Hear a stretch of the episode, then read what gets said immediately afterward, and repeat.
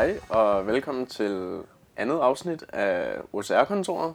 Det er her, hvor vi ved, hvad du snakker om, når du siger, at dine race cases fra øh, sidste løb gør mega nas. Øh, og vi forstår også godt, at de er stolte af dem. Øh, det her, det er CrossFit Ministeriets serie om øh, OCR-løb. Og i første afsnit, der gennemgik vi, hvad OCR-løb egentlig er. Så hvis I tænker, det her det er ikke CrossFit, det er OCR, hvad er det for noget? Så synes jeg, I skal starte med at lytte til afsnittet af vores serie. I dag så har vi besøg af Bettina Langsted. Hej. Hej. Øhm, så jeg tænker, hvis... Øh, jeg kan godt præsentere dig, men jeg tænker, at du, øh, du, selv, fint. du selv lige får lov til at fortælle, hvem du er. Tak. Jamen, øh, jeg hedder som sagt Bettina Langsted, og jeg er idrætslærer. Øhm, det stoppede jeg med at arbejde som her for ikke for så lang tid siden, fordi at jeg havde lyst til, at der skulle ske noget mere, øh, mere spændende, noget andet i mit liv. Så jeg tog øh, uddannelse som kostvejleder og nu OCR-coach. Øh, Samtidig med det, så, øh, så er jeg også i øh, Jordboots event team. Så når I er med ude til nogle løb eventuelt, og I ser Jordboots, så står jeg der nogle gange også og er med til at vise nogle gode øh, restitutionsbukser. Og Så dem, der ikke lige kender Your Boots, kan du ikke lige kort forklare, hvad det er? det kan du tro. Det er øh, et par ben, eller et par bukser, man tager på, blandt andet, øh, når man har løbet eller når man har trænet. Hvis man gerne vil restituere hurtigere, så øh, giver den der noget lymfedrænage, blandt andet, og noget kompression og noget massage. Det er en lang forklaring, men det her det var meget kort forklaret. Ja, okay. ja, og du nævnte lige, at vi jo har været på World OCR Coach Level 1. Det er nemlig rigtigt, det har vi. Det har og vi jo var, været øh, sammen i fedt. starten af januar. Ja. Og jeg var jo faktisk den første kvinde i øh, Europa, som har gennemført det kursus. Så det var lidt, øh, det var lidt vildt øh, Ja, det er super at få lov sejt. til at, at prøve det. Øh, og der må jo klart anbefale øh, andre kvinder at gøre det samme. Det kan jeg kun sige, det var, det var super fedt øh, og vildt spændende. Så lærte man rigtig mange gode ting, synes jeg, øh, og blev udfordret på mange forskellige punkter. Så det var sjovt. Ja, og det foregik jo ude i Unity Gym, hvor jeg ved, du også øh, bruger en del af din fritid. Ja, jeg træner selv derude. Øh, både på deres, øh, på deres styrkehold og deres vodhold, øh, crossfit-hold. Øh, og synes, det er øh, ret sjovt, også fordi der er så mange forskellige muligheder for at træne derude. Og så har de jo rigtig mange gode OCR-faciliteter. Så der er også OCR-hold derude, både styrke og, øh, og race øh, specifikt. De har udenfor øh, rigtig mange øh, forhindringer, som man kan øve sig på. Så det synes jeg er super fedt, og det er et rigtig godt sted at være også. Øh, Ja, øh, så, så man kan sige, at det, det vi snakkede om i, i episode 1, med det her overlap mellem, mellem CrossFit og OCR, det, det giver jo så også meget god mening i forhold til Unity. Det giver rigtig god mening, ja. Øhm, det var Leon Kofod og Nikolaj Dam, der var ligesom var de danske coaches, og så havde vi øh, Ian Adamson fra World OCR med, som Ja. er præsident, Ja, i Og- World så guldvinder Gamle- i X Games. Ja, ja, ja, jeg ved, du var lidt starstruck. Ja, jeg, altså, jeg har set rigtig meget X Games, så jeg var fuldstændig starstruck over at møde en i levende liv. ja. Han var super sej, synes jeg. Ja, altså, hvad, fandt vi nogensinde ud af, hvor gammel han er? 5, Enoghalv- 5 6 Ja, han er i hvert fald i 50'erne, ja, det tror jeg. Ja, ja. Øh, Og det kunne man ikke se. nej, det, og ja, nogle af de ting, han kunne, så tænkte man bare, det der, det kan jeg ikke, og jeg er 30 år yngre end dig, altså. Ja, ja. Men han er også gået all in. Det er jo ikke kun træningen, det er jo også med kost og med livsstil og med søvn, og hvilket vi også snakket om på kurset. Ja, jeg blev lidt overrasket over, at han, øh, han delte sin søvn op. Ja. Så han sov øh, fire timer om natten, og så tog han en lang lur øh, hen, ad, hen ad eftermiddagen. Ja, det kunne han i hvert fald gøre, ikke? Jo, Ja. og der var også noget i forhold til, at han havde lagt sin kost så meget om, så han nærmest kun spist Keto.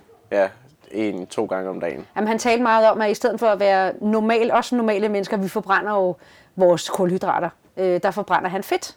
Øhm, og det, det er jo en lang proces, man skal igennem faktisk, hvor han, han spiser jo faktisk ikke kulhydrater, øh, men lever på, øh, på fedtforbrændingen.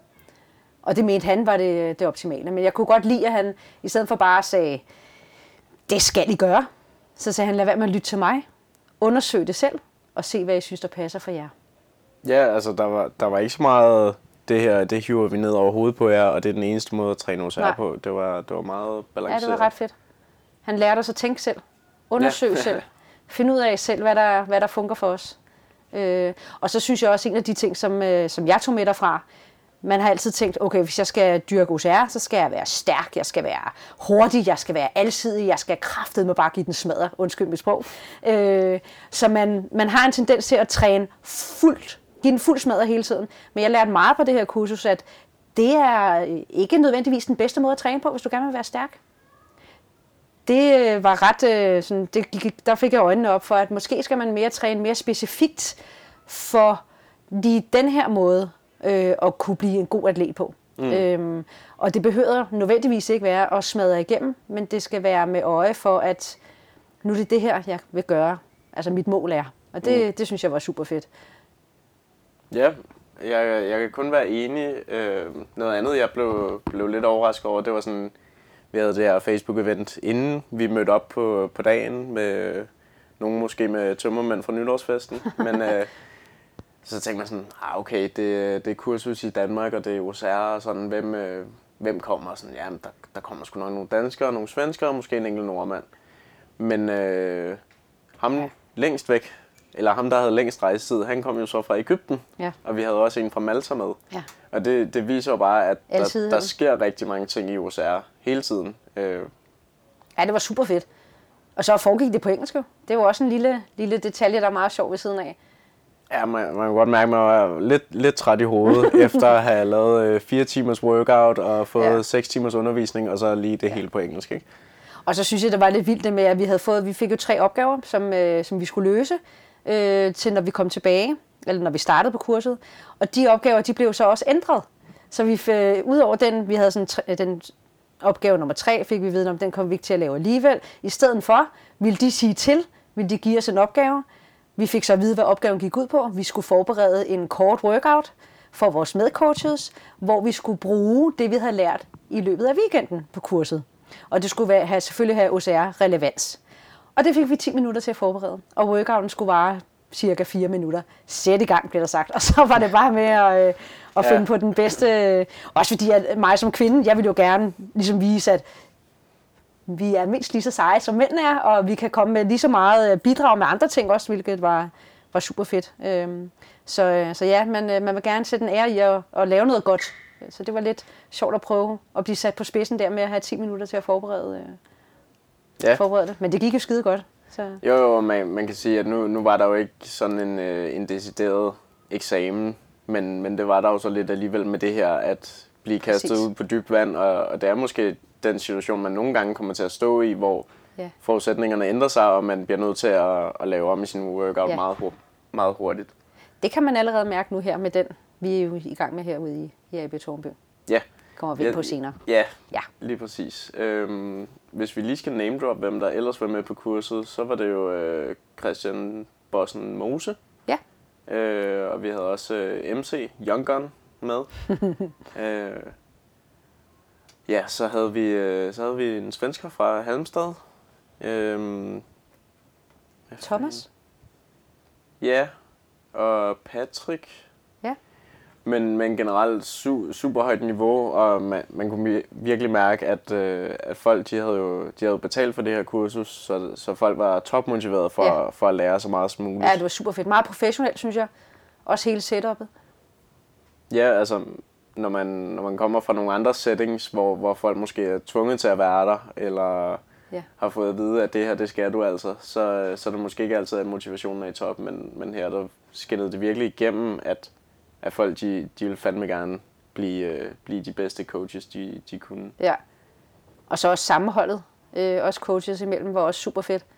Øhm, Ja, der var, der var så ikke så meget tid til socialisering, fordi vi startede fredag kl. 11, og dagen inden kl. 21, og så var det på Ja. igen kl. 8 om morgenen Ja. lørdag der, og det samme søndag. ja, så 12 timer lørdags. ja. Det var, øh, ej, man kunne godt mærke, at man var træt, man sov godt.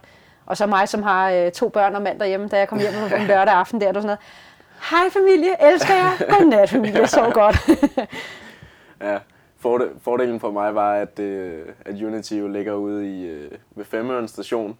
Så øh, når jeg ikke lige havde fået, øh, fået styr på aftensmaden der, så var det bare at tage metroen den forkerte vej ud i lufthavnen, finde noget mad derude, og så tage Ja. den hjem.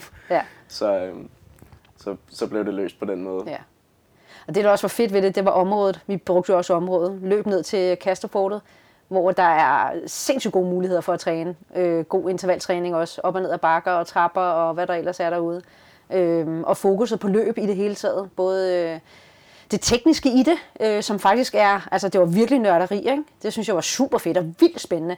Og de historier, som Ian han for eksempel kom med, der var godt nok mange spændende historier, synes jeg, men Ja. jeg, jeg åd det helt råt. Altså det var virkelig, virkelig, øh, han fortalte om øh, sin lange ultraløb, øh, hvordan de også både med løb og det hele havde... Øh, Ja, og det var netop det, han vandt øh, guldmedalje i. Det var jo netop det der adventure race, som foregår over 4-5 dage Ja, er og er 200 300 kilometer. Ja.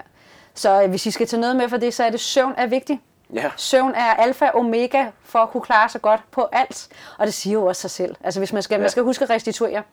8 timer Ja, minimum, ja, ja.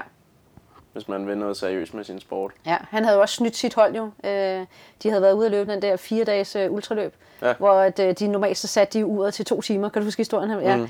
Øhm, og hvad hedder det?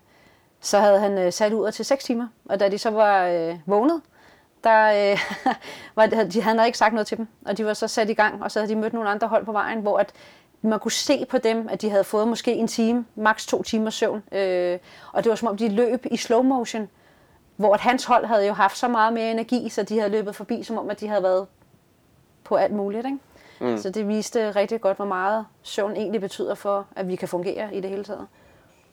Ja, altså man kan jo bare, man kan jo bare sige, hvis man, hvis man har taget en all-nighter i forbindelse med noget ja. studie eller sådan, og Ja. så, så læser det, man har skrevet dagen efter, så, Ja. så er kvaliteten derefter, ikke? Og man føler, man er tømmermænd, og jeg ved ikke hvad. Så det ja. Nej, kan ikke anbefales.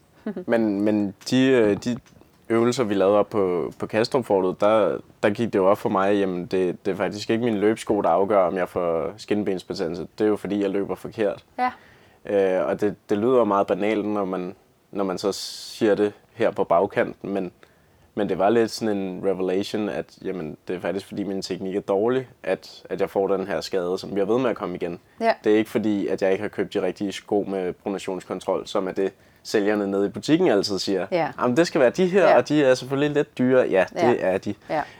Øhm, så, så det var meget interessant det der med at sige, jamen, du kan faktisk ændre rigtig meget ved, at din teknik bare bliver bedre. Helt vildt meget. Og så er det også derfor, folk godt kan løbe barefoot. Ja. Ja, der, der tænker man hvordan kan det lade sig gøre, men det kan det jo så, fordi vi praktisk talt er bygget til at løbe. Ja. Og det han snakkede med, at fødderne skulle kunne mærke underlaget. Ja. Fordi vi løber meget anderledes, fordi vi får ikke den samme følelse, når vi har sko på. Så det er faktisk i bund og grund slet ikke godt for os. Jeg tror nu ikke personligt, at jeg kommer til at, øh, at bruge teknikken med at løbe øh, barefoot run. Nej, der er, der er også lidt i, i de underlag, vi, vi typisk løber OCR på, at der, der har man måske ikke lyst til at tage de der trails i, øh, i Nej. bare tæer. Nej. Ej, det vil ikke give så meget mening, synes jeg. Som... Det, et af de løb, der måske vil give mening, det kunne så være Nordic Race, Race the Beach. Ja, med sandet, tænker du? Fordi det er jo noget, som virkelig sætter folk ned i tempo. Det er jo det der med, Ja. at det er så tungt at løbe i. Ja. Men øhm, det kan være, at man Ja. skal prøve det en dag. Ja. Så får man heller ikke vand i skoene. så, men nu, nu sagde du lige kort, at vi jo sidder herude i AB Tornbys klubhus. Det er rigtigt. Ja, det var fordi, at, øh, at vi jo startede op med OCR på øh, foreningsniveau herude. Og, og for mit vedkommende startede det øh, med, at jeg så øh, Claus Ditz lagde et opslag på Facebook om, at øh, Ja, som, han var jo egentlig også... Øh, han, han var coach nummer 3,5, fordi han, han Ja, havde egentlig ikke nogen officielle opgaver på kurset, men han var der hele tiden. ja, og havde altid en kommentar Ja. og et spørgsmål. øh, ja, tak for det, Claus. Og hvad hedder det? Jamen, han havde lagt det her opslag på, øh, på Facebook, hvor han, øh, fordi vi ønsker jo, at OCR det skal blive mere bredt og udbredt i Danmark. Og det mm. kræver jo også, at der så kommer noget mere på foreningsregi. Ja. Og der søgte han øh, folk, som ønskede at være med til at starte op. Og det tænkte jeg kunne være vildt spændende. Øh, også med den øh, omlægning, eller reomlægning af, øh, af mit øh, arbejdsliv, øh, PT. Så, øh, så kunne det være super fedt at, øh, at få noget, som man brænder for, øh, ind over os samtidig. Så, så derfor sagde jeg helt sikkert, det vil jeg da rigtig gerne. Og så havde han jo øh, en af hans gamle kammerater, øh, Kenneth Aø herudefra, som også var interesseret øh, her fra Aber Tornby. Som jo er en fodboldklub, der ligger på Amager ude i Kastrup. Øhm, og så var jeg fri for, kan man sige, øh, at skulle opstarte øh, en forening. Øh, og så slog vi planterne sammen, samtidig med.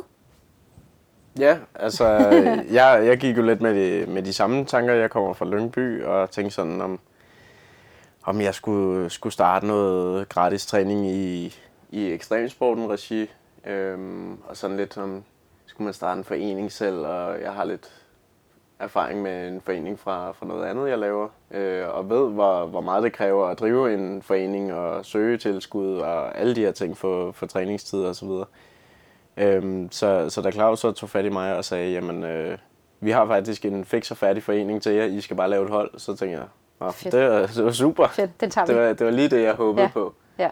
Øhm, så vi er jo så startet herude. Ja. Og man kan sige, for lige at vende, vende tilbage til det med, med, at OCR skal blive en rigtig sport, så er det jo, så er det jo noget af det samme, som, som CrossFit også bokser lidt med.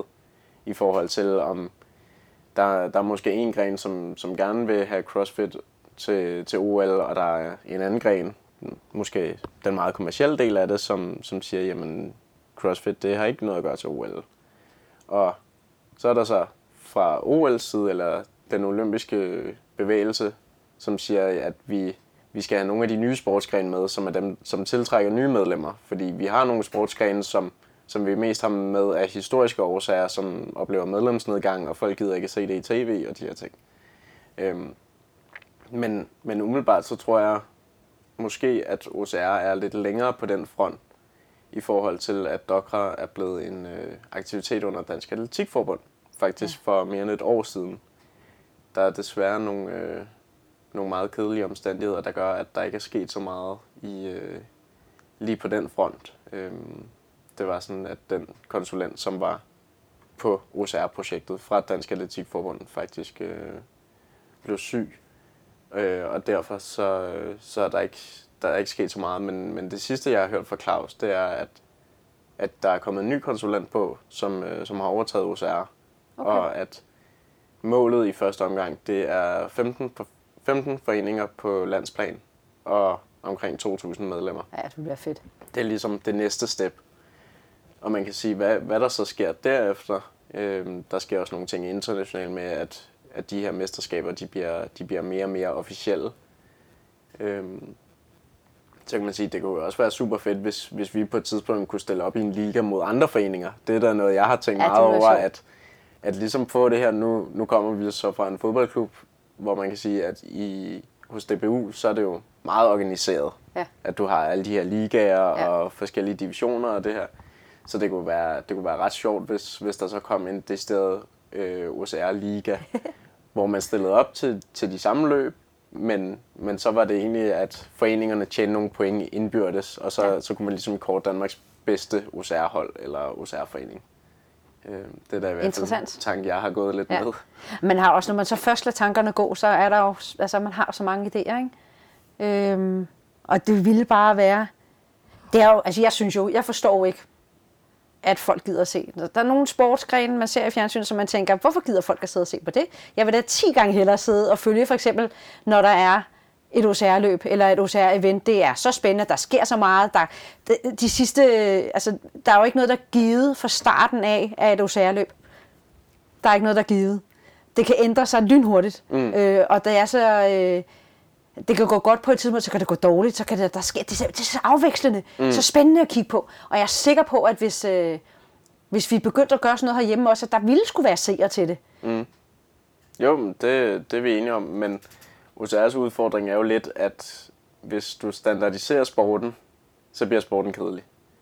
Det er rigtigt. Øh, jeg er helt enig. hvis, altså man kan sagtens sige, at distancerne skal være ens fra gang til gang. Det giver jo meget god mening. Øh, og der skal måske være det samme antal forhindringer, så hvis du har en 5 km til et mesterskab, så skal der være 25 forhindringer hver gang. Og så kan man så dele det op i kategorier og sige, at der skal være 5 tekniske, 5 styrke, 5 øh, præcision, whatever, 5 balance. Men, men det er jo det, hvis, hvis, Ja. hvis det altid skal være sådan til verdensmesterskab, Ja, nej. at du kender rækkefølgen Ja, på nej. forhindringerne, Nej, og det du ikke. ved præcis, hvad det er. Ja. Det er jo sådan, der er i militær Ja, femkamp. ja. Så, så man skal ligesom finde den der kombination af, at forhindringerne skal kunne udvikle sig og blive anderledes, men samtidig så skal man ligesom have en eller anden formel eller køreplan, man kan køre ja. efter.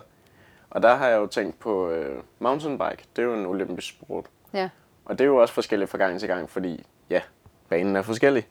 Så, så jeg tænker lidt, om, om man måske kan drage nogle paralleller til, til mountainbike på sigt, og så finde ud af, om, om man kan få en model ligesom de har, hvor kilometerantallet er det samme, og der er nogle krav til, at der skal være så også mange højdemeter, men at man så får det over i OCR på den måde, at vi ligesom får, får nedskrevet, jamen, hvor mange forhindringer skal der så være af hvilken type. Frihed inden for de der faste rammer, der skal være. Ja. Det tror jeg er super vigtigt. Det skal der være, for ellers så... øh, Ja, det ødelægger også lidt af det sjove ved det, synes jeg. Mm.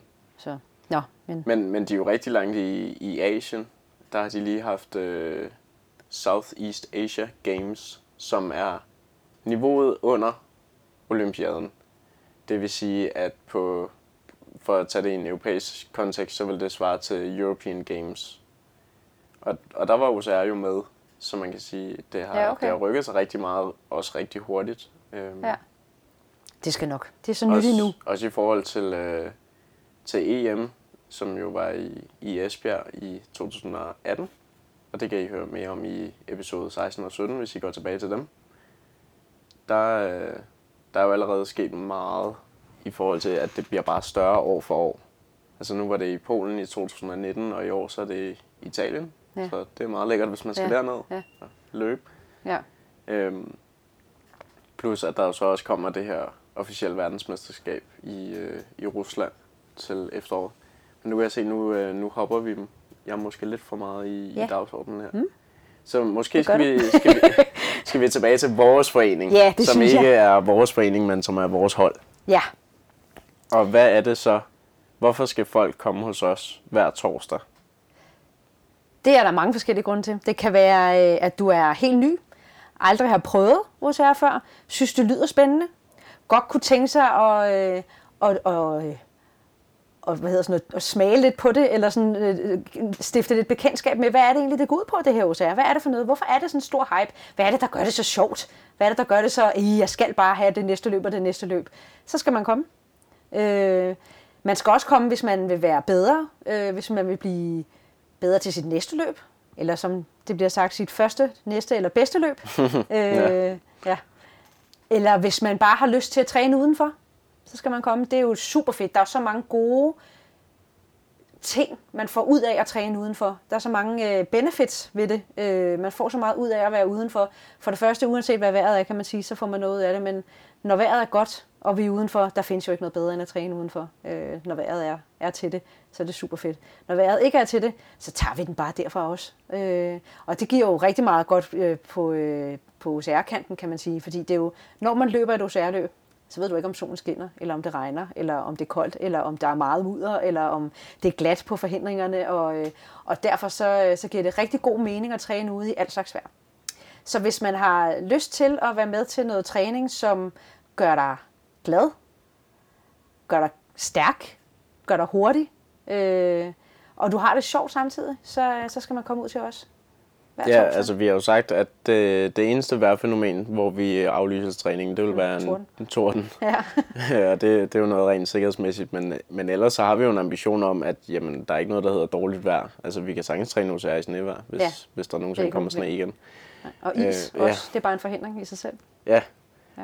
Og vi er, jo, vi er jo så også så heldige, at uh, Tornby, AB Tornby herude, ligger, ligger lige op af Tornby Atletik, Ja, stadion. øh, som, som vi allerede har, har draget en del fordel af. Ja. Øhm, Ja, det giver nogle øh, muligheder også, både med noget trappetræning, som vi også har gjort det i, og, og så på sigt også øh, spydkast. Øh, ja, som, vi skal have fat i deres spyd. Ja, det skal vi.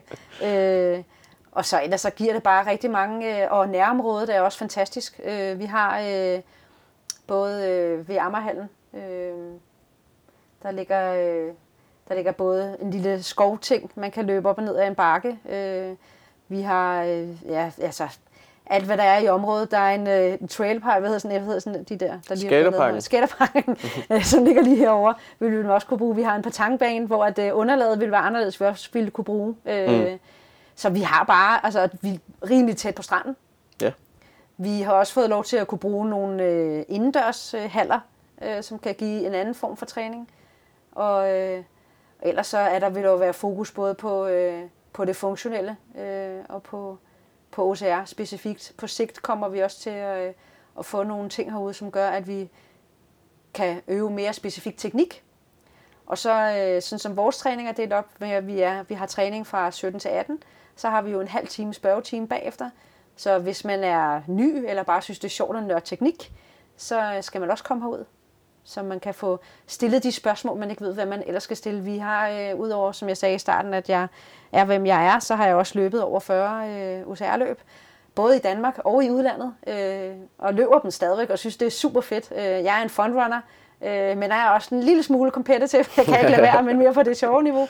Ja. Øh, og, øh, og elsker at, at udfordre mig selv. Øh, og jeg har, jeg har prøvet mange løb nu. Jeg tror, jeg har løbet... Altså, jeg har både løbet Evolution Race, øh, jeg har løbet Toughest, jeg har løbet øh, Nordic Race, jeg har løbet Spartan, øh, som jo så også kommer til Danmark. Det kommer vi tilbage ja. til. Ja. og øh, Strong Viking. Øh,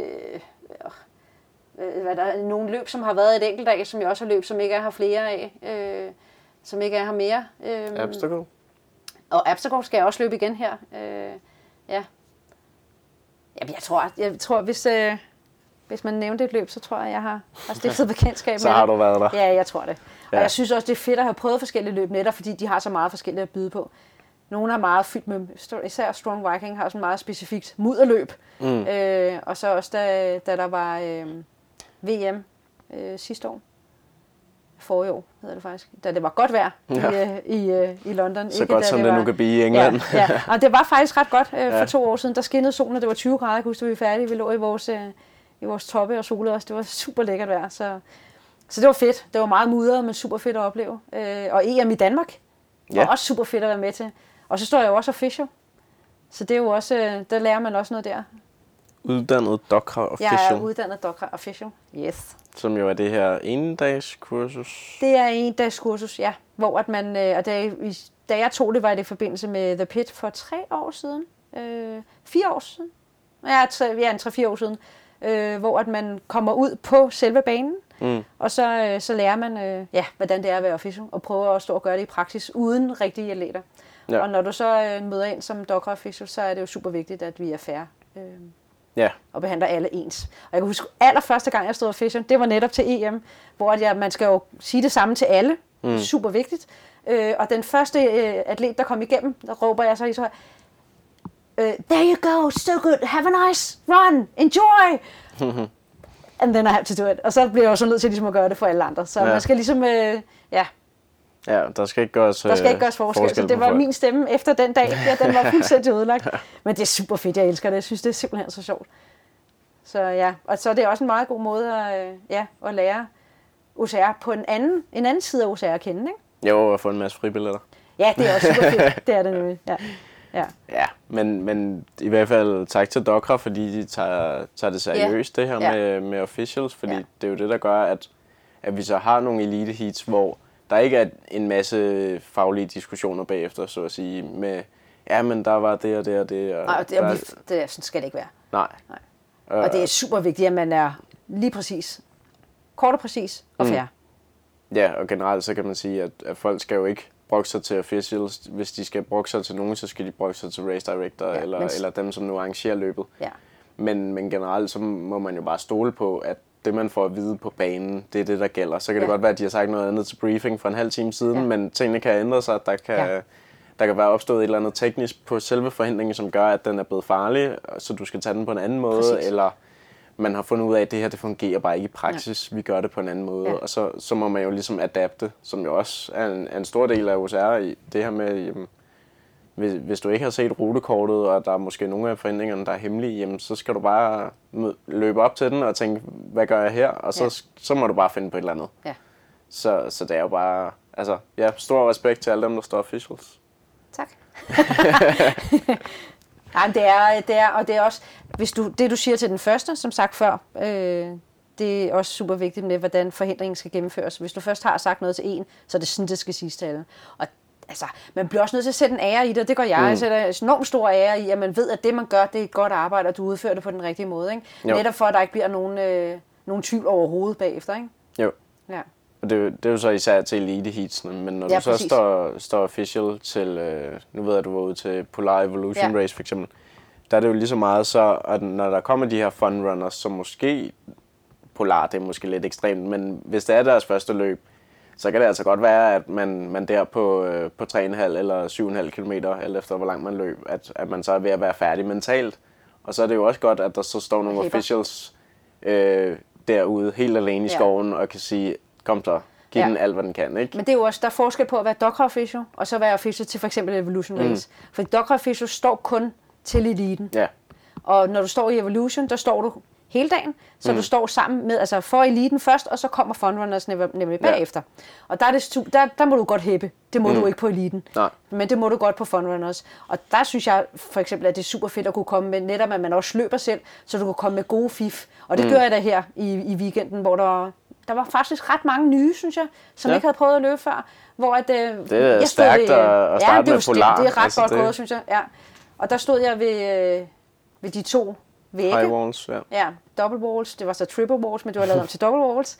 Øh, og, øh, og selv det var der mange, der ikke lige vidste en rigtig god teknik. Og det er super sjovt at prøve at give videre af ens erfaringer. Folk bliver også glade. Og, Jo, fordi, fordi high walls er jo også altså, super simpel forhindring i sin opbygning. Ja. Ja. Men, men det er jo det der med, at du skal jo du skal sætte af på det rigtige tidspunkt, og du skal tæt nok på væggen, før du sætter af, og, Ja. ja. og alle de her ting, ikke? Ja.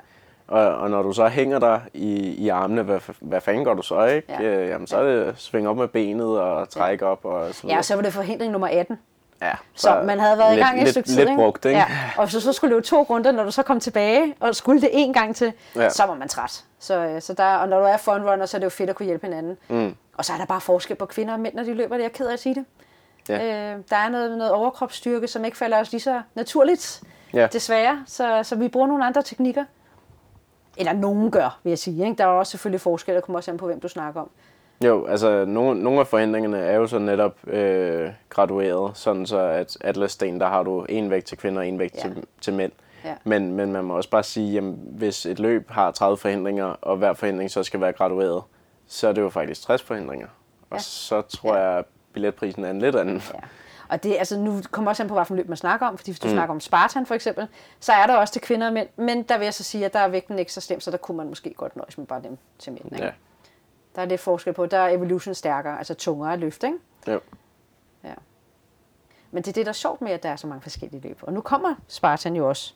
Ja, men vi, vi, kan Danmark. jo, vi kan jo lige så godt øh, Jamen, jeg tænker, tage, jeg tror tage faktisk, det er det, med- Jamen, det er det.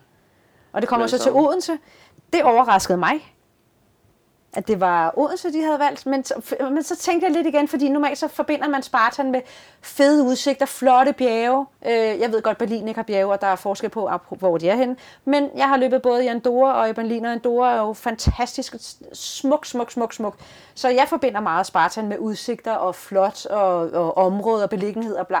Men når man så tænker på øh, Odense, så tænker jeg, okay, hvis vi skulle have fundet et sted i Danmark, som skulle have været meget hellig, så ville det have været fuldstændig det samme som andre Spartan i andre lande. Mm. Jeg tror, grund til, at de har valgt Odense, det er, fordi det finder du bare ikke nogen andre steder. Nej. Så der giver du egentlig meget god mening, fordi det er det der, jeg tror, at de vil prøve at fremlægge det som sådan lidt fairy tale, ja. øh, danmark altså det, det er jo den klassiske i forhold til Odense, som, som Odense også godt selv ved, at jamen, det er det er H.C. Andersen, og det, det er det, Ja. vi skal spille på. Og det, ja. Altså nu, nu kom den her teaser ud i går, øh, hvor, hvor datoerne så også blev, blev offentliggjort. Det bliver den øh, 10. 10. og 11. oktober. Yep. Øh, Og det er en trifecta. Ja. Meget vigtigt at nævne. Ja. Super fedt. men, men, men der kan man også se i, i den video netop det her eventyr øh, fortælling, at det er det, der er fokus på, hvor Ja. ja. netop hvis det så var øh, Andorra, så er det jo så klart, at det, det Det er jo- udsigten, man spiller på. ja. Øhm, men jeg kan jo så sige, at jeg har jo haft lidt kontakt med, med det danske Spartan på, øh, på de indre linjer Ja, øh, på. igennem et par måneder her. Øhm, og, og det er selvfølgelig også en, en gæst, vi jagter at få, få med her i podcasten, fordi det, Det vil være fedt. må, må, ikke, må ikke de har nogle, nogle ting at fortælle. Øhm, men, men der er det jo ligesom det her med, jamen, Spartan kommer som det her kæmpe store løb, og de ved, at de kan, de kan tiltrække en masse danskere, men, men samtidig så er det jo også et internationalt brand, og de skal differentiere sig i forhold til de danske løb, og de skal differentiere sig i forhold til deres egne løb i Ja. udlandet, hvis de også skal have nogle, nogle gæster, der kommer til at flyve ind. Ja. Og man kan sige, at jeg tror markedet omkring København og københavnske løb, det er ved at være rimelig godt mættet. Øhm, Ja, der er rigtig mange, altså, som vi også nævnte tidligere, altså, der er- løb, ikke? Der, jo jo, man kan sige, der er, der er jo altid flere weekender at tage af, nærmest. Men, men man skal også overveje, jamen, har folk råd til at tage afsted hver weekend, og har folk lyst til det, og har folk et liv ved siden af OCR? Ja. Øh, som alene det, at Nordic Race har to, og Reborn, hvis man sådan tager, tager den store, øh, ja, det store forstørrelsesglas på, så har de The Pit i Lyngen, og de har Lederborg, som jo også sådan er, øh, ja, Stor København på en eller anden måde. I hvert Ja, fald, hvis man kommer United, vest fra broen. Så er så er der United ja. i Gladsaxe, Evolution, det er Holte, og det Ja. er derudaf, ikke? Ja. Så- MX. Ja, så der er jo bare rigtig mange løb omkring Københavnsområdet. Så kan man sige, det, det samme i lidt mindre skala gør sig gældende, gældende ved, ved Aarhus. Men hvad sker der på Odense? Jamen, det, Og hvad det- sker der på Fyn? Jamen, det er Og rigtigt. det, det er måske rigtigt. det, de har set, at Ja. der er ikke nogen af de store spillere, som arrangerer noget i og omkring Odense. Nej, det er kun her for nyligt, der også er kommet øh, træninger op, og så du har fuldstændig ret i, at Ja, altså jeg, jeg tror, øh, lokalforeningen på Facebook for, øh, for OCR øh, Fyn eller OCR Odense, der, der ligger de på omkring 150 medlemmer.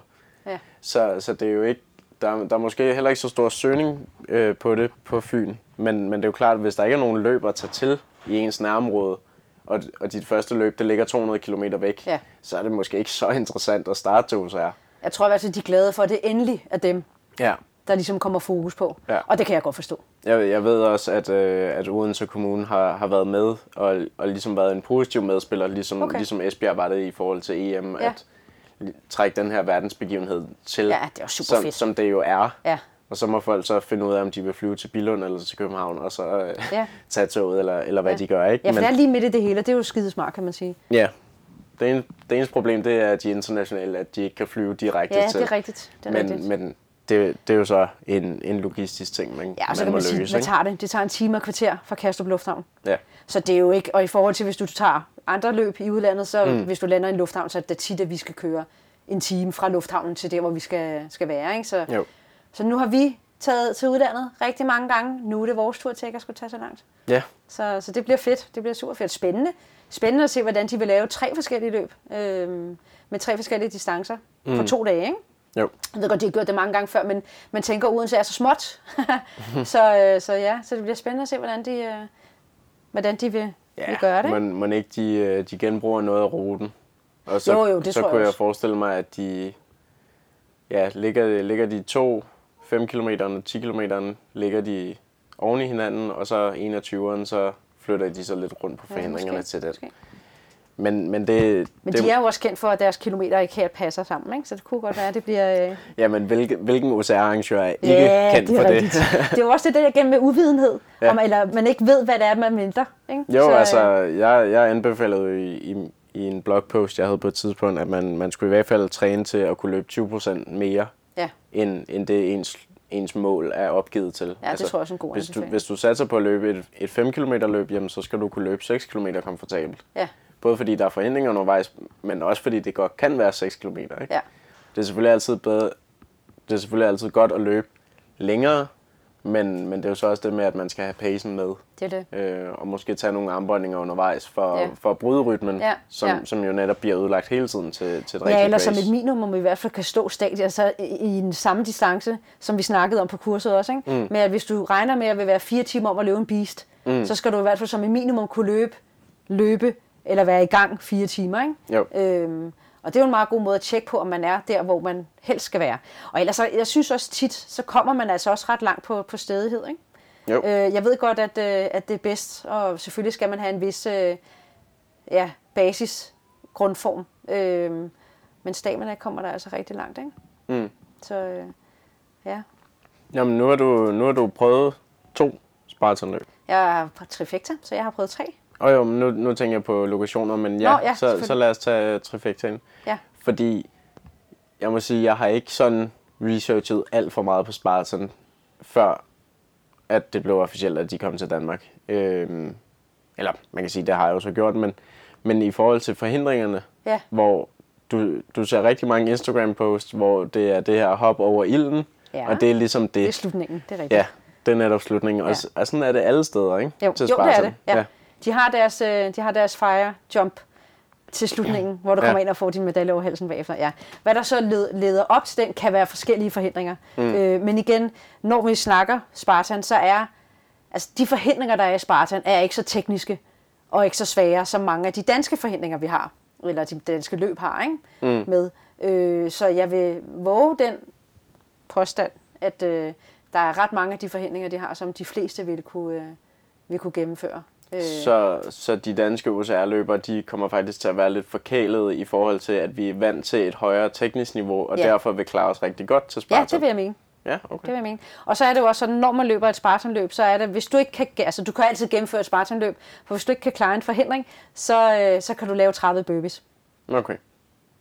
Og, og der er ikke nogen forhindringer, hvor det så kan betale sig at tage strafburpees med det samme. Så det er jo sådan noget med, så du begynder at du ja, ikke? Øh, jo, jo, men, ja. men det er også fordi, jeg tænker, at vi, vi skal jo have et spændende løb, sådan elitemæssigt. Ja. Altså jeg vil synes, det vil, nej, man skal, øh, man skal, når du er, jeg har løbet både, øh, de første to løb, jeg løb, der løb jeg, øh, hvor du bare løber almindeligt, der har du sort pandebånd på, mm. der bliver du ikke taget tid eller noget som helst. Og så løb Vi jeg, har ikke engang taget tid. Jo, men ikke, altså du løber ikke på tid, der bliver taget tid på dig selvfølgelig, Okay, du får din ja. tid bagefter, men, men det er ikke konkurrencemæssigt Okay, på den måde. Øhm, da jeg løb i Berlin, det var i Andorra, de to første, løb jeg en, øh, en super og en sprint, det er de to mm. korte distancer. Men meget bjergfulde, så det tager lidt længere tid. Øh, I Berlin, der Det er er noget ikke med at nyde udsigten, ikke? det var super nemt. Ja, ja, ja. Jo, det var så fedt. Og man skal huske at stoppe og nyde udsigten. Det skal man. Man skal da Ja. huske at stoppe og nyde udsigten. Øh, især når man er i Andorra. Øh, nå, men i Berlin, der, øh, der løb jeg Bisten, øh, som så var 22,4, tror jeg det var. Og øh, der øh, har du rødt bandebånd på, og der løb jeg age group. Mm. Og når du løber age group, så skal du gå... Øh, øh, ja, du skal altid du skal gå hen og have et first try, så du skal gå hen ved forhindringen og røre den. Okay. Hvis du så ser, okay, den her forhindring, den kan jeg ikke, så kan du gå hen til den, sige, rør, har, øh, så skal official, de skal så lægge mærke til, at du har prøvet, så er det okay. Så bliver du ført hen til, Det er sådan lidt pro forma, hvis man Ja. bare går over og siger, ej, nu har jeg rørt Ja. ryggen, så, så laver jeg bare 30 burpees og så videre, ikke? ja, og det, jeg tænker, Fordi- hvis du er elite, så er det ikke okay. Nej. Men nu løber jeg age group, øh, og der kan man stadigvæk, der har du også mulighed for at komme på podiet og vinde. Øh, jeg synes jo, at man skal altid prøve en forhindring. Mm. Jeg synes jo, at okay, fred være med det, hvis man ikke har lyst, og man er bange. Jeg skal ikke sige, hvad andre gør, men for mit eget vedkommende mm. har jeg det federe med, at jeg i hvert fald har prøvet mit bedste. Ja. Så når man så har prøvet sit bedste, hvis man fejler, lige meget hvornår man fejler, kommer du hen, du hen til et område, hvor der er burpees-området. Mm. Der er der for eliten og for age group, er der et kamera, hvor du skal gå hen og stikke dit ansigt ind foran kameraet, så de kan se, hvad nummer du har, Ja. og så skal du i gang med at lave dine burpees. Det er super vigtigt, at du udfører dem rigtigt. Hvis du ikke gør det, så får du en straf. Ja. Man kan vælge at sige, at man kun vil lave 20 burpees, så får du en straf på, jeg tror, det er et par sekunder eller noget, jeg kan ikke lige huske det. Øh, men men øh, ja, der, der er flere forskellige ting og regler inden for det. Ja, jeg tror faktisk også, jeg fik, fik nævnt det her system i, i, den, øh, i det første afsnit Okay. af OCR-kontoret. ikke, øh, det kan godt være, at jeg fik overdrevet lidt i forhold til, hvor, hvor automatisk det var. Men øh, Okay. Ja, jeg ved ikke, jeg har faktisk ikke hørt den endnu, det må jeg gøre, beklager. ja, jamen, øh, det, Men, øh, men øh, så skal vi ikke snakke mere om det. nej. Nej. Men det er et fedt løb, øh, jeg kan kun anbefale.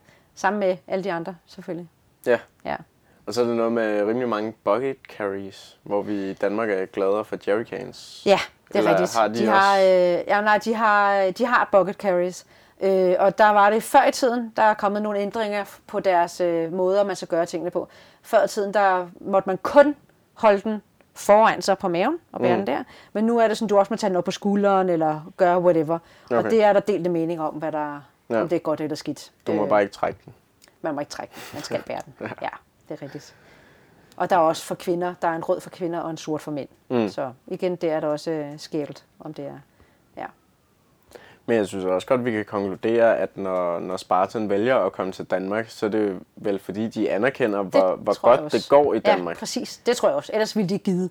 de ved jo godt, at det, at det er et lille marked. Man kan sige, okay, Andorra, det er også rigtig meget mindre marked, men, Ja. men det er jo så netop, at der kommer en hel masse gæster Der ind. får folk til jer. Øh, men, men ellers så har de jo i Spanien og i Frankrig og USA selvfølgelig, og Ja. altså, det har jo været meget store markeder. Så, Ja. så jeg synes da, at det danske OCR-samfund skal da tage det som et skulderklap, at, at sikkert. Spartan, som er verdens største løb, Ja. nu, nu endelig har fået øjnene op for Danmark. Ja.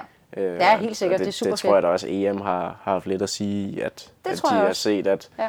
at, at danskerne kunne løfte den opgave. Ja. Øhm, så. Og så har vi bare mange super fede øh, OCR-atleter, som Jo. klarer sig rigtig godt og gør sig bemærket i, øh, i udlandet også, ikke? Jo, og også, øh, også er begyndt at rejse, rejse oftere til USA og, Ja. og Ja. give dem nogle tæsk derovre. Ja, Så ja, det er fedt. Ja, det bliver spændende at se, hvordan de laver setupet. Det glæder jeg mig til.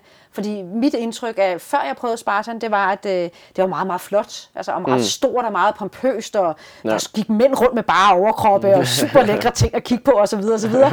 øh, så det bliver lidt spændende at se, hvordan de gør det her i, øh, i Danmark. Ja, Også fordi i- det er i oktober. i oktober, hvor det kan jeg stå nede i stænger ja, og være koldt, ikke? varmt. Ja. Ja, ja. Så, Men det er jo sådan netop også det, som, som så er det anderledes ved Danmark. Det er netop, at vi, vi kan byde på det her vejr, som, ja. ja. som man kan sige, det er måske ikke det fedeste, men, men det kan jo bidrage til, til udfordringen, i stedet for at det er Ja, 18 præcis. grader eller 25 grader eller et eller andet. Ikke? ja, præcis. Så Ja, det bliver spændende. ja, så øh, alle sammen tage, tage afsted til, til Spartan i, ja. i Ja. Odense. Den anbefaling er hermed givet Ja. ja. videre. Man kan købe dem fra, øh, fra 16, ikke? Er det ikke 16. februar? Jo, 16. er. februar. Ja. Ja. Øhm, det her det er jo så nok kommet ud 16. februar. Det satser vi på. Ja. Så, så gå ind og køb en billet, inden de bliver udsolgt. og man behøver selvfølgelig ikke løbe alle tre løb. Men det specielle er jo, at hvis du løber alle tre løb i samme weekend, så får du den her øh, tredelte medalje, du kan samle. Nej, nej, nej, nej, det er lidt for... Det, det, det, må jeg lige prøve at tilføje noget Ja, til det? endelig. Fordi at, øh, øh, når du løber en super, så får du en blå medalje, hvor der er en del af en trifecta. Mm. Når du løber en sprint, får du en rød medalje, hvor der er en del af en trifecta. Når du løber en beast, får du en grøn medalje, hvor der er en del af en trifecta. Mm. Det får du, uanset om du kun løber dem. Ja. Så hvis du har løbet alle tre, så har du de tre pieces, som bliver sat sammen. Så skal du købe noget, til at, ligesom de har i uh, Reborn, hvor vi har, nu er det så uh, Quad Trade. Quad Factor, ja, de er- de er det lige toppet den. Ja, ja. ja. Øh, men hvor man så sætter de dele ned i. Ja. Det er det samme princip. Men hvis du løber den på en weekend, så får du en helt speciel medalje ved siden af også. Så man får Så- ud over sine tre medaljer, får du også en trifecta medalje. Det troede vi nemlig, man gjorde, når man bare havde løbet trifectaen. Det gør man ikke. Det er skal kun, hvis du gør det i en samme trifecta weekend. Yes, Ja. så får du, øh, får du trifecta medaljen. Det kan, den findes så både i gange 1, den bliver så lidt større, hvis du gør det gange 2, gange 3, gange 4, gange 5, gange 6, helt op på gange 100, tror jeg. Og gange 10 har jeg set en medalje. Medaljen bliver større efter, jo, mange, jo flere gange man har, øh, har lavet en trifecta. Okay, så hvis du laver tre trifectaer på et år, tre forskellige locations, og det, øh, du laver tre løb hver weekend, så får du så Så en man endnu medalje. større... Så får man en medalje, ja. Ja, men ja. vi er jo, øh, vi er jo blingliderlige i Ja, USR, det er det, ikke? Ja, ja, ja, det er super fedt. Ap- Apropos det, så så jeg, at uh, Strong Viking, de har, de Ja, har det startet så på et nyt koncept, Ja. hvor jeg, jeg er ikke helt sikker på, at jeg forstår det, men medaljerne har en forskellig form, og så hvis du samler seks medaljer eller sådan noget, så får du sådan, så danner medaljerne en økse. Ja, det altså- er meget, meget specielt. Jeg kan jo huske, det, da jeg løb mit første Strong Viking, der øh, troede jeg, at man fik en medalje. Jamen, der får, fik gør man man en ikke. t-shirt, det er så langt. dengang, da jeg løb den første, ja. Der skulle man have løbet tre løb, før man fik en medalje. Ja. Så du, skulle, du fik sådan en armbånd, og så når du så havde løbet tre, så skulle du tage de armbånd med og bevise, at du havde løbet tre Okay. løb, så fik du en medalje. Ja. Nu er det sådan, at hvis du løber to løb, får du en medalje. Som så kan blive til en økse. Som så, kan, ja, så er det jo så blevet sådan, udover det, så før i tiden var det sådan, at så var det, hvis du var to løb, du havde løbet, fik du en medalje. Hvis du løbet fire løb, fik du en anden slags medalje. Hvis du løb seks løb, fik du en tredje slags medalje. Men nu har de lavet det med den der. Og jeg kan huske, vi tog nemlig afsted til Holland og løb dernede, mm. og så skulle vi selvfølgelig løbe to løb. Et løb hver dag, Ja. for ligesom at kunne øh, få den her medalje med med hjem. hjem, ikke? ja. ja, præcis. Så Ja, ja. ja, men man kan det er en videnskab, Ja. men en bling vil man have, ikke? Jo, jo. Så, så få, få lige købt en medaljehænger også. Så Ja, det er de rigtigt. kan komme ordentligt op på væggen. Og der findes jo rigtig mange forskellige. Ja. Øhm, noget andet, jeg synes, vi skal tage fat i, det var jo, at vi var til fest. Ja, det var vi. 120 mennesker samlet i Roskilde til... Øh, jeg, jeg ved ikke, om vi kan kalde det den årlige OCR-fest, men, men der har i hvert fald været en eller anden form for OCR-fest de sidste par år. Ja, og der har jo heller ikke været andre, så det er jo den årlige. Ja. så, Det var super hyggeligt. Ja, egentlig øh, Christina Lindskren, der, der tog faklen op efter Dokra, øh, som havde Dokra Awards 2019. Ja. Øhm, som så af forskellige årsager ikke, øh, ikke blev til noget her i, i starten af 20. Øhm, så kæmpe shoutout til Christina Lindskren, som, som med hjælp fra, fra et stort festudvalg, hvor, hvor jeg gerne vil pushe min egen glorie og sige, det var jeg da også en del af. men men øh, rigtig mange gode mennesker, som, som sørgede for at få lejet den her mega fede restaurant slash natklub, og øh, vi øh, spillede banko, og Ja. og, ja, I bedste stil. I, ja, og, og der var selvfølgelig masser af, af racebilletter i Jeg synes øh, bare, i det var dårligt, at jeg ikke vandt noget. Undskyld, jeg bankede Ja, bordet, men jeg ja. synes faktisk, Det, vi, prøv at høre, det bord, jeg sad ved, vi vandt næsten ingenting. Det er simpelthen ikke okay. Nej, altså I, I fik alle sammen en nøglering fra Nordic Race, ja, det er så I rigtigt, har og det alle sammen vundet. fint. Det er rigtigt. Det er Øh, rigtigt. og, og selvfølgelig også øh, stort tak til, til alle de andre sponsorer, der var med. Ja. Øhm, Ja, det, var- det er fedt, at det, jeg synes, der er fedt ved OCR generelt, det er både, hvordan vi... Der er ikke forskel på, om du er elite, eller funrunner, eller hvad du er. Vi har, man har sådan et fællesskab, man har en forståelse, man ved, vi er lige skøre alle sammen. Mm. Vi brænder for det her. Øh, vi er lidt sindssyge, det skal man være, tror jeg. Men jeg tror bare, man har, man har en forståelse for hinanden, og når vi møder hinanden, også andre steder, mm. øh, også for eksempel til Trailman, når man løber der, men der møder man også en del OCR-løbere, øh, løbere, som, øh, og det er altid med hej med et kram, og jamen, jeg synes, det er fedt. Jeg synes, det er fedt, vi har sådan et fællesskab, øh, og når der så bliver holdt fest, så er vi også bare rigtig gode til det. Vi er gode til at hygge os sammen, vi er gode mm. til at have det sjovt sammen, vi er gode til at bakke hinanden op. Øh, man ser alt, der er altid et smil på læben. Jeg synes, det er super fedt. Man kan ikke andet end at lade være med at være glad, når man er sammen med andre, der løber OCR. ikke lade være med at være glad. Hvad sagde jeg? Ja. Man Never kan ikke andet end at være glad. Men, men, men det synes jeg, du har, du har rigtig meget ret i, fordi jeg havde min kæreste med, som har løbet to løb i 2019, og har planer om at løbe lidt flere i år måske. Fedt. Øhm, som sådan må, må sige sig, at hun er meget i periferien af, af miljøet.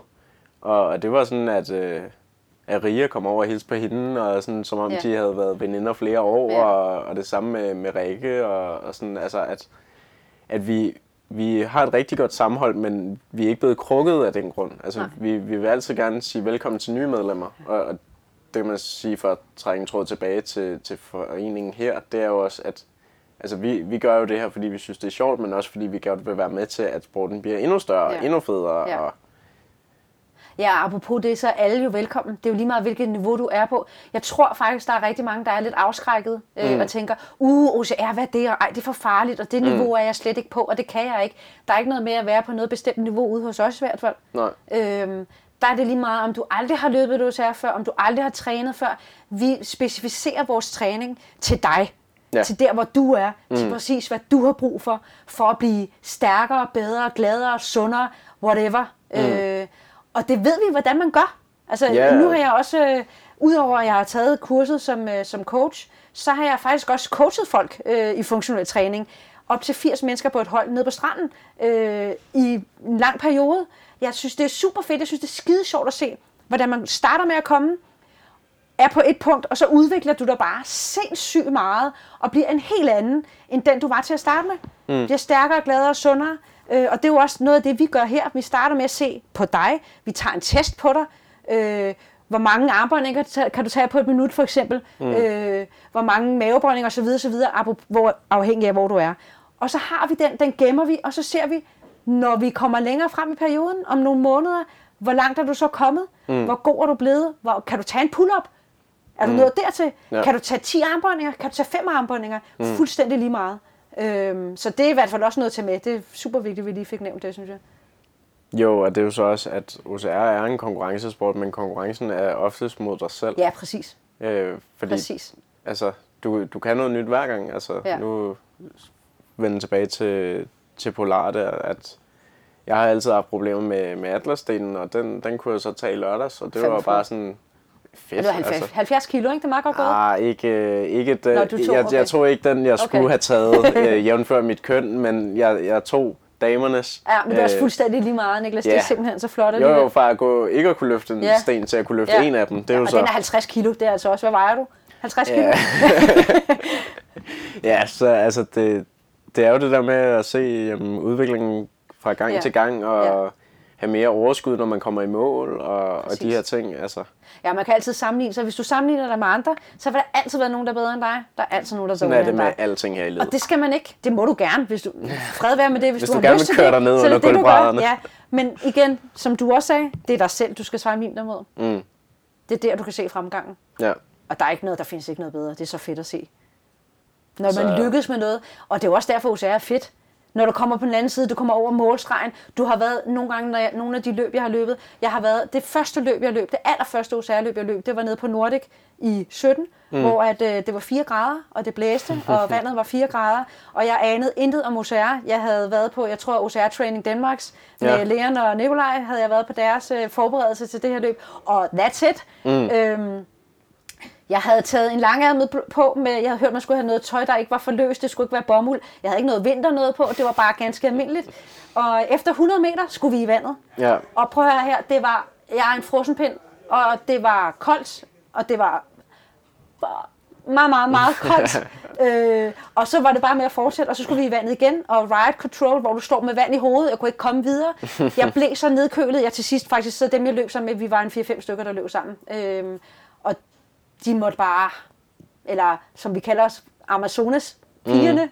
hands up, øh, de kunne ikke komme, komme i kontakt med mig. Jeg var blevet så nedkølet, at det eneste, jeg kunne fokusere på, det var at trække vejret og være til stede. Jeg fik så heldigvis noget, øh, noget varmt tøj på, eller fik en trøje ud over mig og en hat på, der gjorde, at jeg Ja. kunne fortsætte. Men det er det, der min pointe er, at du kommer så langt ud nogle gange, så du er, når du kommer over målstregen, det er den fedeste følelse. Det er den fedeste følelse, for du føler, at du har været på, græn, på grænsen til at dø nærmest nogle mm. gange. Og så klarer du det alligevel. Du synes, du er den sejeste, fedeste badass, der bare har klaret... Øh, mm. Ja, du overskrevet nogle grænser, og det er det, jeg godt kan lide ved OCR. Jo, og det er mærkeligt, at vi ikke bliver skræmt væk af det. Lige præcis. Altså, Også fordi det var det det- første løb, det man der er tænker, så mærkeligt, Og så gør hun det igen og igen og igen. Ja. Bliver bare why. Ja. Det er derfor. Ja, man bliver, man bliver pit af det. Ja, det gør man altså. Også fordi vi lever, jeg tror, hvis man skal være lidt filosofisk omkring det, så tror jeg, at det har noget at gøre med den verden, vi lever i. Vi bliver ikke udfordret. Vi skal ikke ud og jage for at få noget mad. Vi skal ikke flygte fra løver, der prøver at fange os. Og vi har brug for, eller det har jeg i hvert fald, det er derfor, jeg gør det, man har brug for det der adrenalinkick. Mm. Du har brug for at føle, at du er i live. Ja. Og det gør OCR. Jo, altså hvor, hvorfor tager folk ud og hopper i faldskærm eller bungee Ja, præcis. Eller, altså det er jo Ja. det der Det er øh, rush, ja. som, man, som man får. Ikke? Søger, ja. Så- Jamen, det er super fedt. Gør det. Ja, Gør det. det er bare Kun fed, fed det. træningsmåde ja. altså. Ja, det er det. Kom afsted. Især til nogle mesterskaber, når I lige er, er kommet lidt længere i, i processen. Øhm, jeg ved, du planlægger ikke noget mesterskab. Du tager I- trifectaen i Odense. Ja, det bliver Ja. jeg nødt til i år. Ja, desværre. Øh, nogle gange så bliver man nødt til at... Men jeg vil gerne have nogle flere penge. Ja. og jeg vil gerne løbe alt. Jeg har så også fundet ud af, at øh, det nytter ikke noget at løbe alle løb. Man bliver også nødt til at restituere en gang imellem. Ja. Så ja, det er min plan. Ja, og øhm, det mesterskab, som plejer at ligge i London, som hedder World Championships, de er rykket tilbage til Stratton Mountain, Vermont. Jeg må ikke mm-hmm. sige, at det er i Boston. øh, og det officielle World OCR VM, det kommer så til Sochi, eller Sochi, Rusland. Øhm, som nogen måske kan huske fra vinterlejene tilbage i 2014. Øh, og de har også en Formel 1-bane, så det er en meget stor turistet by, øh, som, som har et stærkt fokus på, på sport. Og øhm, der er blevet lagt nogle penge et eller andet sted fra til øh, World OCR, for at de skulle komme til Sochi, og det har de så valgt at takke ja til. Øhm, og det, øh, det bliver super spændende at se, hvad, øh, hvad det kommer til at indebære. Ja, jeg tror, det bliver godt. Det tror jeg også. Øh, hvis, hvis de ligesom kan få den der, den der fællesskabsfølelse af, at byen byder en velkommen. Ja. Ligesom, ligesom jeg synes Esbjerg gjorde i, Ja, i ja, rigtig klart. god stil. Bortset fra hende skosælgeren nede i Sportmaster, som ikke vidste, at, at det foregik, da jeg Nå. skulle ned og købe trailsko. Det var sådan, jamen, vi, vi har sådan noget mesterskab ude på, øh, ude på stranden. Øh. Nå, nå. Nå, men det havde hun ikke hørt. Mangel i Men- opdragelsen. Ja, men, men jeg tror, at hvis, hvis, øh, hvis det ligesom bliver en, bliver en begivenhed for, for byen, så, øh, så er jeg sikker på, at alle nok skal få en god oplevelse. Jeg har også læst, at øh, alle atleter skal bo på samme hotel, Nå, fedt. lige op ad race venue.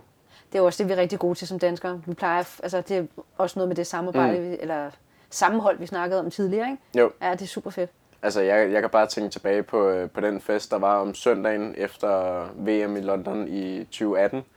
Det er rigtig sjovt, fordi alle har løbet rigtig meget hele weekenden.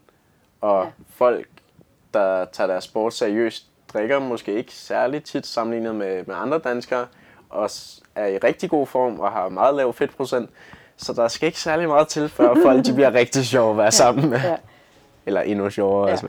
Men, Men altså, ja, Og så ellers også bare, øh, jeg ved godt, runners high, men det er jo alligevel det, selvom man ikke drikker, så kan det altså godt til at, ja, en lille smule fjollet alligevel, at være så høj på, på oplevelser, at øh, ja, Ja, og det er jeg jo bare glad for, når jeg er ude som, som fotograf. Det, det, det er nogle sjove billeder, når, når folk lige flexer eller, eller smiler til, ja. til kameraet, i stedet for lige nogen, der har ja udover det, så er det super fedt, du gider. Det er fedt, at, øh, at Ja, der men er det nogle, var- det var min- der gider. Min vej ind.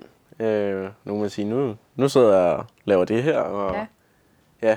har gang i alt muligt. Øhm, så, men det kan også være, at vi skal til at runde, øh, runde lidt af. Ja, ja, vi kunne snakke for evigt, tror jeg. Ja, det, sådan er det, når man, øh, når man virkelig går op i noget, Ja. så, øh, så må man også sætte nogle grænser. Ja.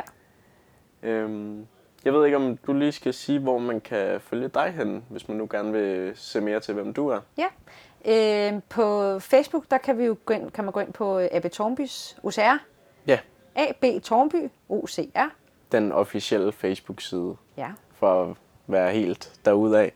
Der kommer vi til at lægge øh, nogle, ja, nogle træninger op, noget, øh, noget info, hvad jeg nu lige synes er sjovt og interessant.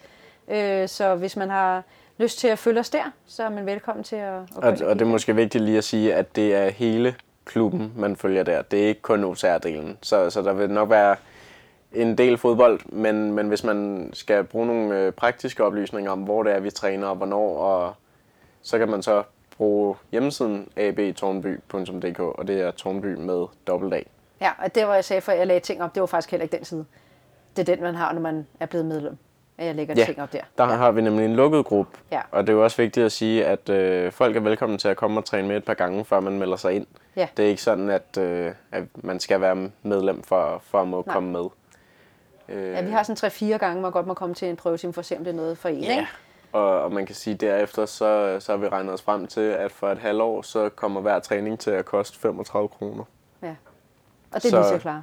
Ja, sammenlignet med diverse dagsbilletter eller andre ja. abonnementer, så, så ja. synes vi, det, er- det er rimelig fair. Og det Ja. kan vi jo så i kraft af, at det er en forening, som, som også får noget kommunal støtte. Ja. Tak til Tornby. Ja. ja. Så, men hvis man nu skal følge dig, Bettina. ja. Så er det øh, på Instagram, og det er mit navn, Bettina Langsted. Bettina med to T'er. Yes. Skal jeg stave det? Ej, det behøver ikke. Nej. øh, ja. Så det er Amazonas Gold Power og ja, ja, ja, 100 procent. Det Ja. er det. Ja. 90% OCR, 10% live. Ja, ja, jeg tror faktisk, at det er 95, men øh, ja. ja. Ja, øh, og mig, der taler nu, det er jo... Jeg hedder Niklas Vinter Jacobsen, og øh, hvis man skal følge mig, så er det primært via ekstremsporten.dk, som øh, er vores blogunivers. Vores øh, racebilleder finder man på Facebook-siden af samme navn, og Instagram og YouTube derudaf. Så øh, gå ind og følg os, og endelig så må I huske at anmelde CrossFit Ministeriet på iTunes.